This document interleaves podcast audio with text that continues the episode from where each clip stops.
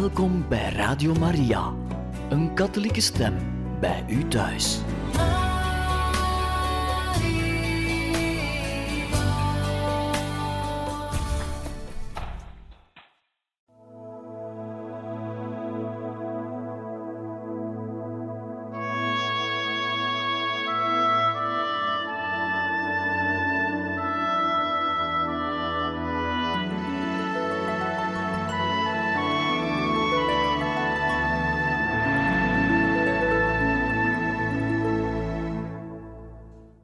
Harte welkom, beste luisteraars van Radio Maria, in het programma Heiligen Getuigen, waar wij u verder voorlezen uit het boek Mijn Heerlijk Leven, het verrassend geestelijk avontuur van de jeugdige Gabriel Possenti, geschreven door Edmund Burke. Een vorige keer hebben we gezien hoe Francesco Possenti uiteindelijk Gabriel van Onze Lieve Vrouw van Smarten zou worden. Dat is zijn kloosternaam die hij aanneemt op het moment dat hij wordt opgenomen in de gemeenschap van het Passionistenklooster van Morovale. Vandaag gaan we verder in hoofdstuk 10 en dat draagt de titel Het proefjaar.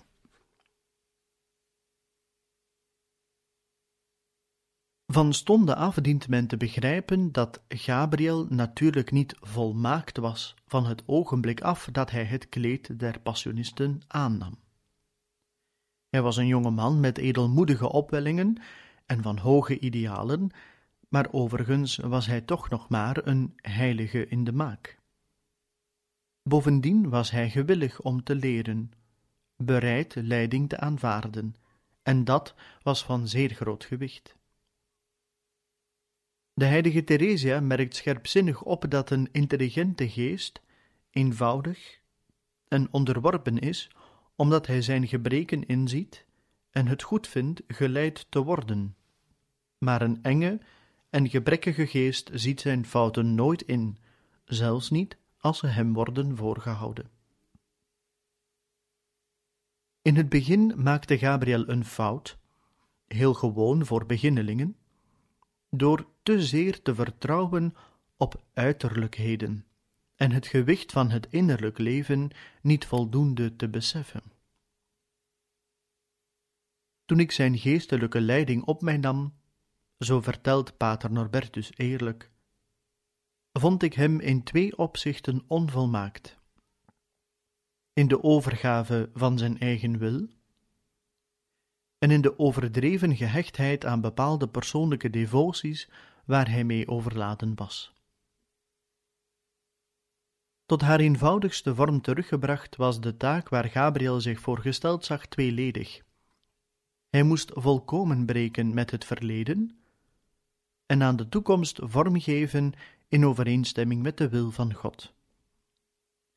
Fundamenteel is het de eeuwige paradox van het christelijke leven in zijn volheid te sterven om te kunnen leven, voor de wereld af te sterven om te kunnen leven voor God. Wie zijn leven vindt, zal het verliezen, zei onze zaligmaker. En wie zijn leven verliest om mijnentwil, zal het vinden. De heilige apostel Paulus bracht dezelfde fundamentele waarheid onder woorden toen hij schreef Gij zijt immers gestorven en uw leven is nu met Christus verborgen in God. In de regel van de Passionisten had de heilige Paulus van het Kruis deze lange geestelijke traditie belichaamd. Met betrekking tot het opleiden van novissen waren zijn aanwijzingen helder en nauwkeurig.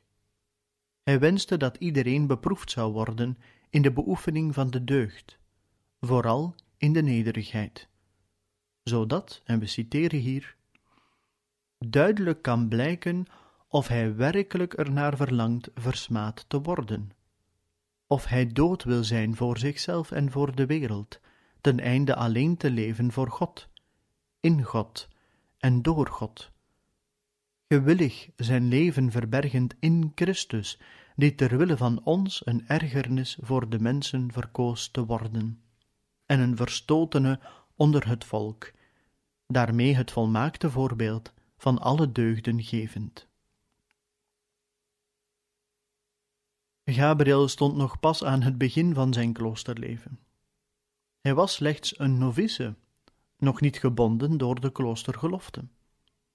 Dit was zijn proeftijd, zijn proefjaar. En het zou geen gemakkelijk jaar worden. Het systeem der opleiding is er in het bijzonder op gericht de geestelijke, verstandelijke, morele en fysieke geschiktheid van de novice te onderzoeken voor het leven dat hij heeft gekozen. In de regel worden omstandige aanwijzingen gegeven met betrekking tot de verschillende proeven waaraan de novice onderworpen dient te worden. Opnieuw citeren we hier uit de regel. Laat hem beproefd worden in de praktijk van nederige handelingen. Laat hem de borden wassen, helpen in de keuken, de vloeren vegen en bewijzen afleggen van de christelijke onderwerping en geduld. Laat geen onderscheid gemaakt worden voor wie ook en welke ook zijn rang mag zijn. Stel iemand van een adellijke familie langer en stipter op de proef, maar op een zodanige manier dat welwillende liefde en onpartijdige voorzichtigheid niet in het gedrang komen.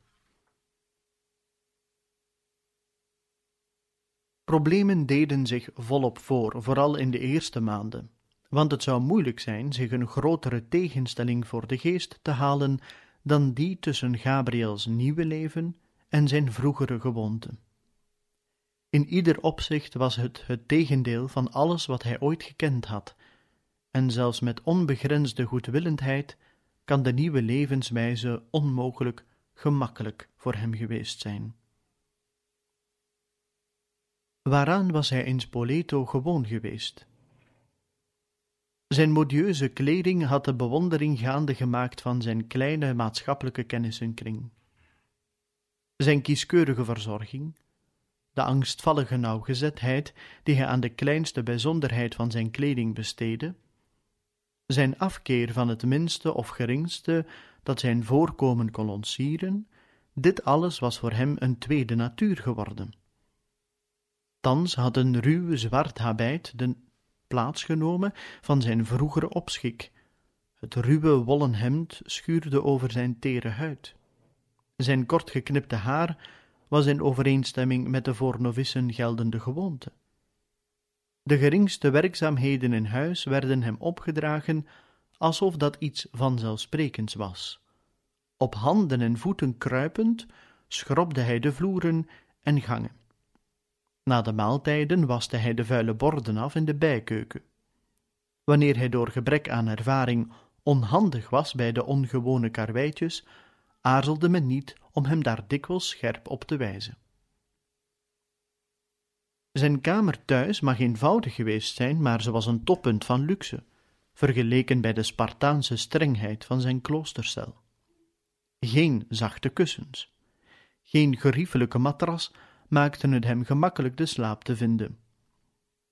Als een soldaat in actieve dienst wierp hij zich neer, nog gekleed in zijn habit, op een harde stroozak, met een ruwe met stro gevulde peluw, rustend op drie of vier harde houten planken.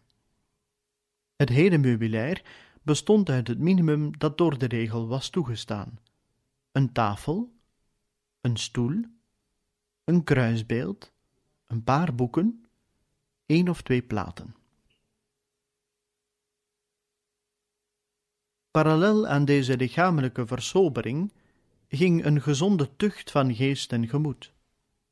De luchtige romannetjes, de liefdesverhalen waarmee hij in Spoleto zijn vrije uren gekort had, waren vervangen door geestelijke boeken en de levens der heiligen. De gretige ogen van de jeugd eens verrukt door het toneel en de schouwburg, waren thans ingetogen neergeslagen en beheerst door een harde plicht van versterving. Zijn spontane geestigheid, zijn bruisende opgewektheid, zijn plezier in conversatie, dienden te worden onderdrukt en beperkt tot de korte periode van de dagelijkse recreatie. Wanneer hij terechtgewezen werd voor een fout, moest hij leren zijn mond te houden, neer te knielen en de berisping stilzwijgend te aanvaarden. Zijn eerste besluiten weerspiegelen de innerlijke strijd, de manier waarop hij zijn geestelijke levensopvatting verbeterde. Het oude levenspatroon moest onherstelbaar vernietigd worden en een volkomen nieuw patroon op geheel nieuwe beginselen worden samengesteld.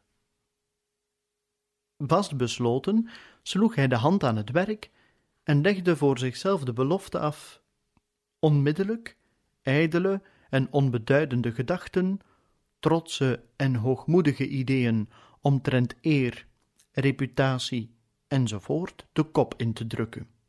En ook geen woord te uiten dat voor mij lof zou kunnen verwerven of mijn aanzien zou kunnen doen toenemen. In de loop van dat jaar stelde Gabriel ook een gebed op voor zijn persoonlijk gebruik, een gebed dat duidelijk zijn innerlijke gesteltenis weergeeft. Het biedt eveneens een dankbaar beeld van de vastbesloten geest waarin hij trachtte te breken met het verleden, tot overwinning van zichzelf te komen en te leven in overeenstemming met de genade van zijn roeping. Hoewel het gebed nogal lang is, is het de moeite waard het in zijn geheel aan te halen. Dat is voor zo dadelijk.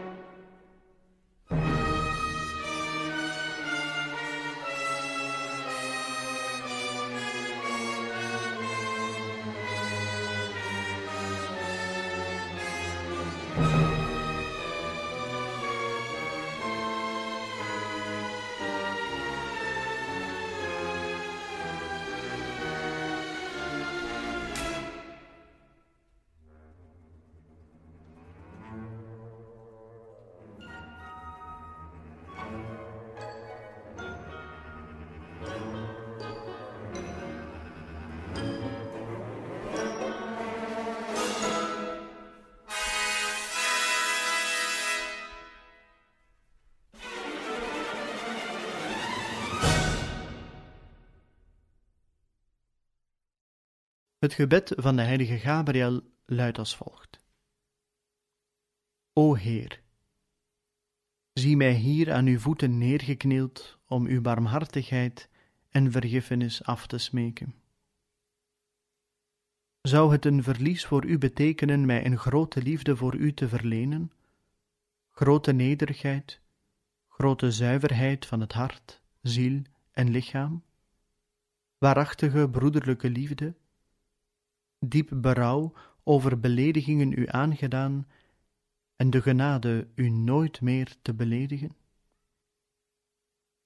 Zou het een verlies voor u betekenen mij de genade te verlenen, u steeds in al mijn gedachten te hebben, in mijn woorden, daden en penitenties, zodat ik alles zou mogen doen alleen uit liefde voor u? De genade van mijzelf volkomen over te leveren in de handen van uw lieve moeder Maria. De genade van tot het einde toe te volharden in deze congregatie en de genade van een heilige en gelukkige dood. Ik ben niet meer dan een arme bedelaar, mijn lompen en zweren tonend op zoek naar aalmoezen. Zie naar mijn onvolmaaktheid, mijn trotse geest, mijn koud hart, te koud om u te beminnen, te onbewogen door het verdriet u te hebben beledigd. Zie naar mijn geest, zo vol wereldse gedachten, mijn onhandelbare wil, die slechts tot het kwade geneigd is, mijn lichaam opstandig tegen elk goed werk, help mij, o mijn God, help mij mijn leven te beteren. Ik vraag uw genade door uw grote goedheid, door uw eindeloze barmhartigheid. Om haar te verkrijgen offer ik u de verdiensten op van Jezus Christus, mijn Verlosser. Mijn God, ik ben arm inderdaad, ik heb geen verdiensten van mijzelf. Maar zie naar mijn verdiensten. Vulnera tua merita mea, uw wonden zijn mijn verdiensten. Indien ik uit liefde voor u het bloed vergoten had dat uw beminde zoon voor mij vergoten heeft, zoudt gij mij deze genade dan niet verlenen? Hoeveel te eerder zult gij ze mij dan niet willen schenken, wijl uw beminde zoon zijn bloed voor mij vergoten heeft? Hebt gij niet beloofd in uw evangelie mij alles te zullen geven wat ik van u zou willen vragen voor het welzijn van mijn ziel? Vraagt en gij zult verkrijgen. Wanneer dat zo is, kunt gij niet meer terugkomen op uw woord. Om deze reden stel ik al mijn vertrouwen op u. Verwaardigt u mij te aanhoren. Ik smeek u mijn gebed te verhoren, door uw eindeloze goedheid, door het hart van uw beminde Zoon, gewond uit liefde voor mij, door de oneindige liefde van de eeuwige Geest, door de liefde die gij uw dochter Maria toedraagt, en ter ere van heel het hemels hof, waarin ik u smeek mij eens te willen opnemen. Amen.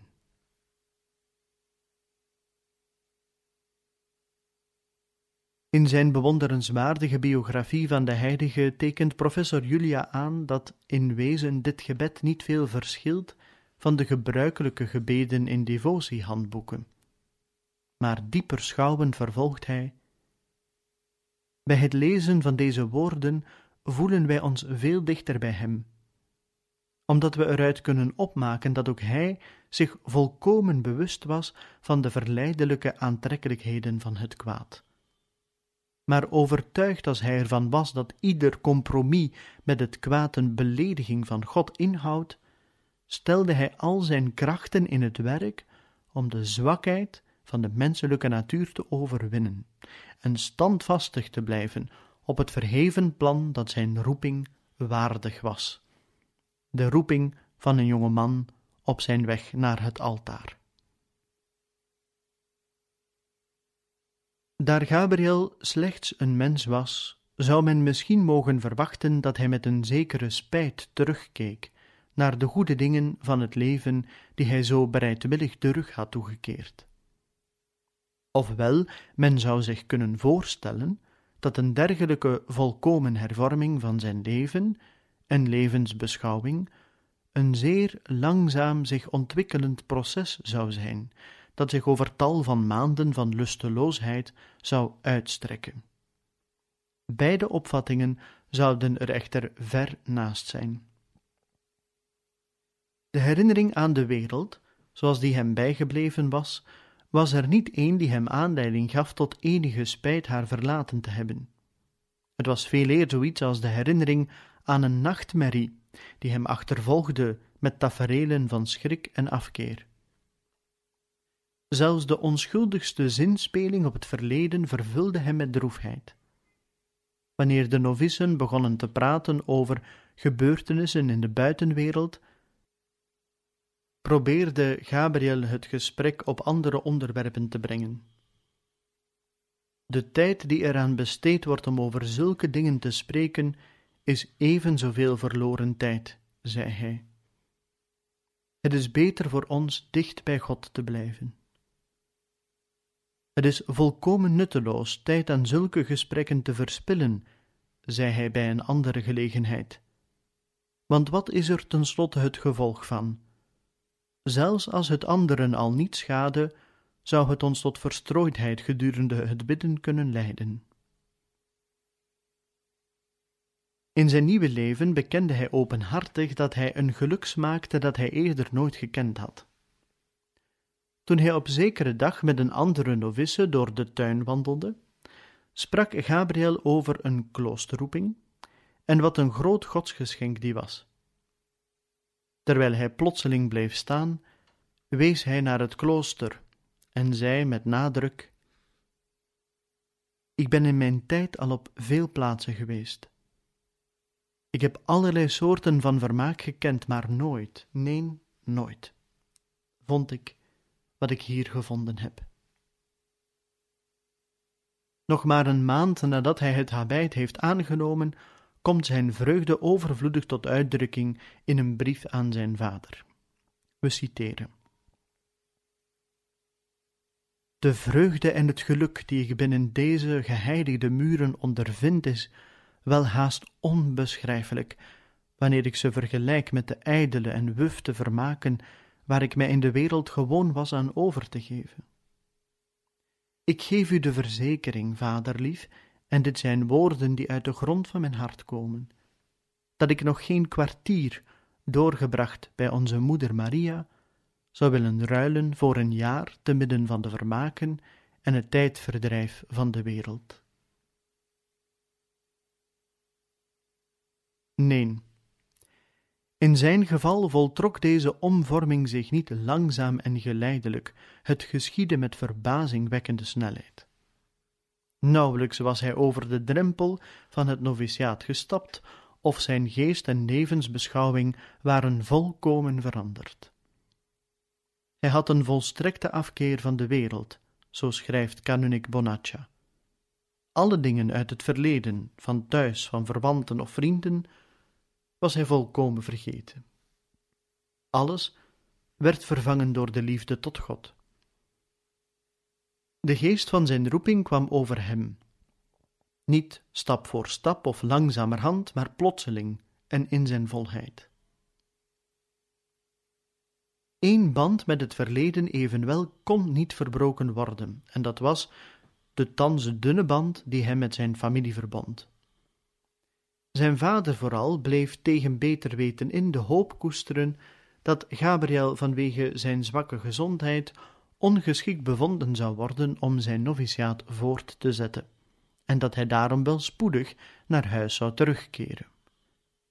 Hij geloofde eerlijk dat het tengere lichaam en tere gestel van zijn zoon niet geschikt was om de strengheid van het passionistenleven te doorstaan.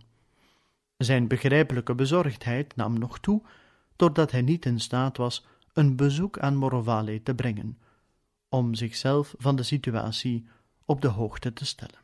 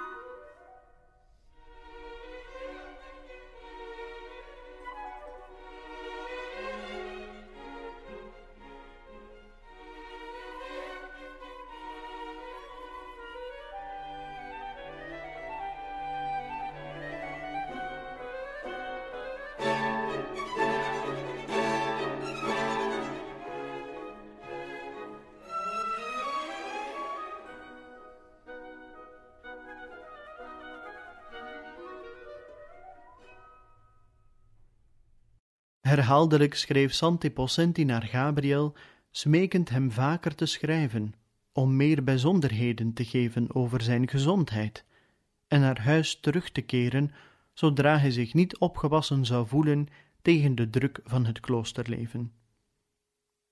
De ondergrond van bezorgdheid was duidelijk waarneembaar, en Gabriel probeerde telkens weer de vrees van zijn vader tot zwijgen te brengen. Een ander citaat uit een brief. U zegt dat ik u tweemaal per maand zou moeten schrijven, maar dat kan juist niet. Het is niet onze gewoonte zo dikwijls brieven te schrijven. Maar maakt u geen zorgen. Pater Novicenmeester heeft me de verzekering gegeven dat hij me, ondanks onze gebruikelijke praktijk, niet zal nalaten me verlof te geven om te schrijven. Als ik wat ook nodig heb of u iets bijzonders te vertellen zou hebben. U kunt ervan overtuigd zijn dat het met mijn gezondheid uitstekend gaat, en ook kunt u erop rekenen dat ik schrijven zal als dat nodig mocht zijn. Ondanks deze stellige verzekering was Santi Possenti verre van voldaan.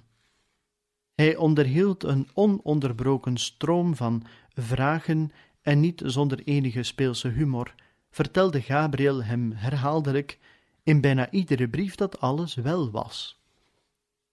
Kort voor kerstmis 1856 schreef hij: Het soort leven dat ik leid is zo goed ingedeeld dat ik eerlijk moet zeggen dat de 24 uren van de dag mij haast nauwelijks als 24 minuten voorkomen. Zo vlug gaan ze voorbij. Dat is voor mij een bron van grote vreugde, want het zegt mij dat dit niet enkel het soort van leven is waartoe de Heer mij heeft geroepen, maar dat het ook de juiste congregatie is, waarin God me heeft willen plaatsen om er mijn weinige dagen in door te brengen. Ik bevind me in de beste gezondheid en heb zelfs heel wat aan gewicht gewonnen. Mijn leven is van geluk vervuld, ik leef in het huis van God, wat meer is dan ik verdien. Ik hoop dat ik met de hulp van Maria voortgang zal maken op de weg der volmaaktheid, tot aan de voeten van de gekruiste Jezus. Wat zou ik meer kunnen verlangen in dit tranendal? De kalme, geruststellende toon van zijn brieven geven weinig blijk van zijn innerlijke onrust. Hij werd verscheurd door tegenstrijdige gevoelens. Aan de ene kant was daar zijn diepe en oprechte genegenheid voor zijn vader, en aan de andere zijn vast besluit om zich volkomen los te maken van alle familiebanden, van alles wat zijn volkomen teruggetrokkenheid van de wereld kon verhinderen. Als de tijd voor hem gekomen was om naar huis te schrijven, raakten zijn gevoelens verward en werd zijn geest onverhoeds gekweld. Wanneer de keus helemaal aan hem zou hebben gelegen, zou hij geen letter op papier gezet hebben. Maar deze overdreven angst behoorde de kop ingedrukt en gematigd te worden. Uit achting voor Gabriels vader droeg de novicenmeester Gabriel op vaker naar huis te schrijven dan gewoonlijk. Deze uitzondering baarde Gabriel echter zorgen, en hij was uitermate aarzelig om van deze toestemming gebruik te maken. Hij moet het geduld van zijn leidsman wel zwaar op de proef gesteld hebben door een eindeloze stroom van bezwaren. Doen de andere novicen dat ook? vroeg hij vaak. Kunt u mij verzekeren dat ik daar tegenover God geen verantwoordelijkheid over hoef af te leggen? Wilt u de verantwoordelijkheid ervoor op u nemen? Als het ook maar de kleinste inbreuk op de regel is, neemt u dit op uw eigen geweten? In dezelfde geest legde Gabriel, wanneer er brieven van thuis kwamen, nooit een bijzonder verlangen aan de dag om ze te lezen, of nieuwsgierigheid naar hun inhoud. Hij had er een afkeer van, zijn brieven open te maken. En zelfs wanneer ze geopend waren en ze hem werden overhandigd, wierp hij er nauwelijks een blik op. Hij verontschuldigde zich met zijn gebruikelijk voorwendsel. Weet u zeker dat ik dit voor God niet te verantwoorden zal hebben? Bij wijze van compromis maakte de novicenmeester de brieven open en las ze Gabriel hardop voor. Zelfs dan was de ijverige novice niet voldaan. Hij verzocht de priester alles wat hem overbodig toescheen over te slaan en hem alleen het noodzakelijke nieuws mee te delen. Daartoe rekende hij vragen om gebed voor bijzondere intenties of voor de zielenrust van onlangs overleden verwanten en vrienden. In november 1856 stuurde hij een brief van deelneming aan zijn neef Peter Possenti, die een dubbel verlies geleden had.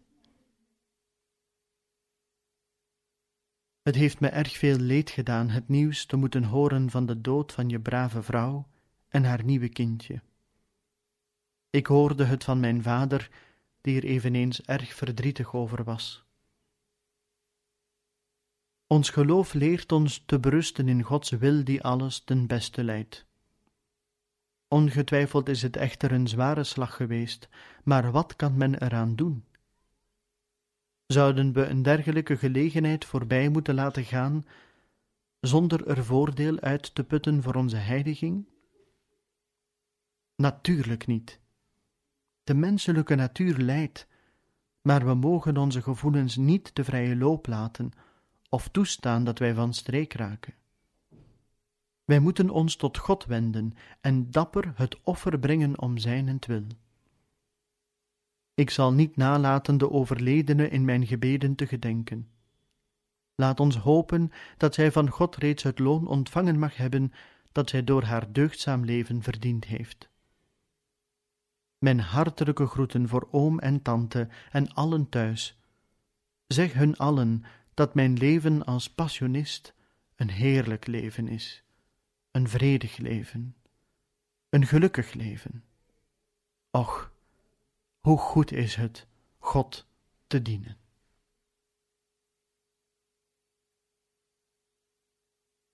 Gedurende die eerste dagen was Gabriel niet tevreden met het toepassen van de gewone penitenties die door de regel werden opgelegd, geneigd in uitersten te vervallen met lichamelijke boetedoeningen. Pater Norbertus achtte het noodzakelijk hem in dat opzicht nauwlettend in het oog te houden, uit vrees voor rampzalige gevolgen. En daarover zullen wij in een volgende aflevering zeker meer vernemen.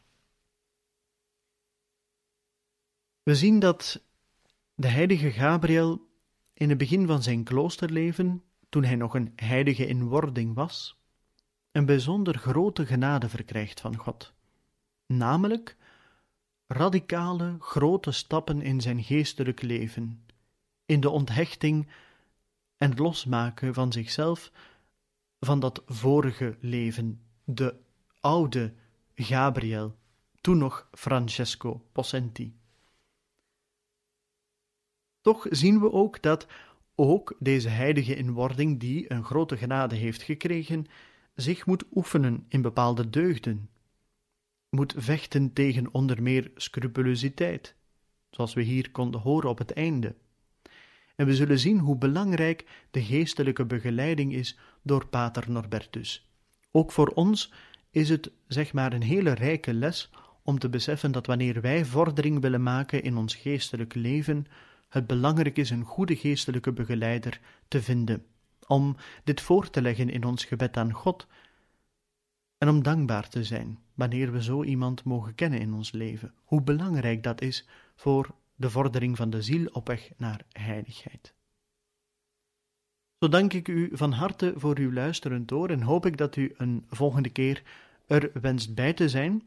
Dan lezen wij u graag verder voor uit het boek Mijn Heerlijk Leven het verrassend geestelijk avontuur van de jeugdige Gabriel Possenti, geschreven door Edmund Burke.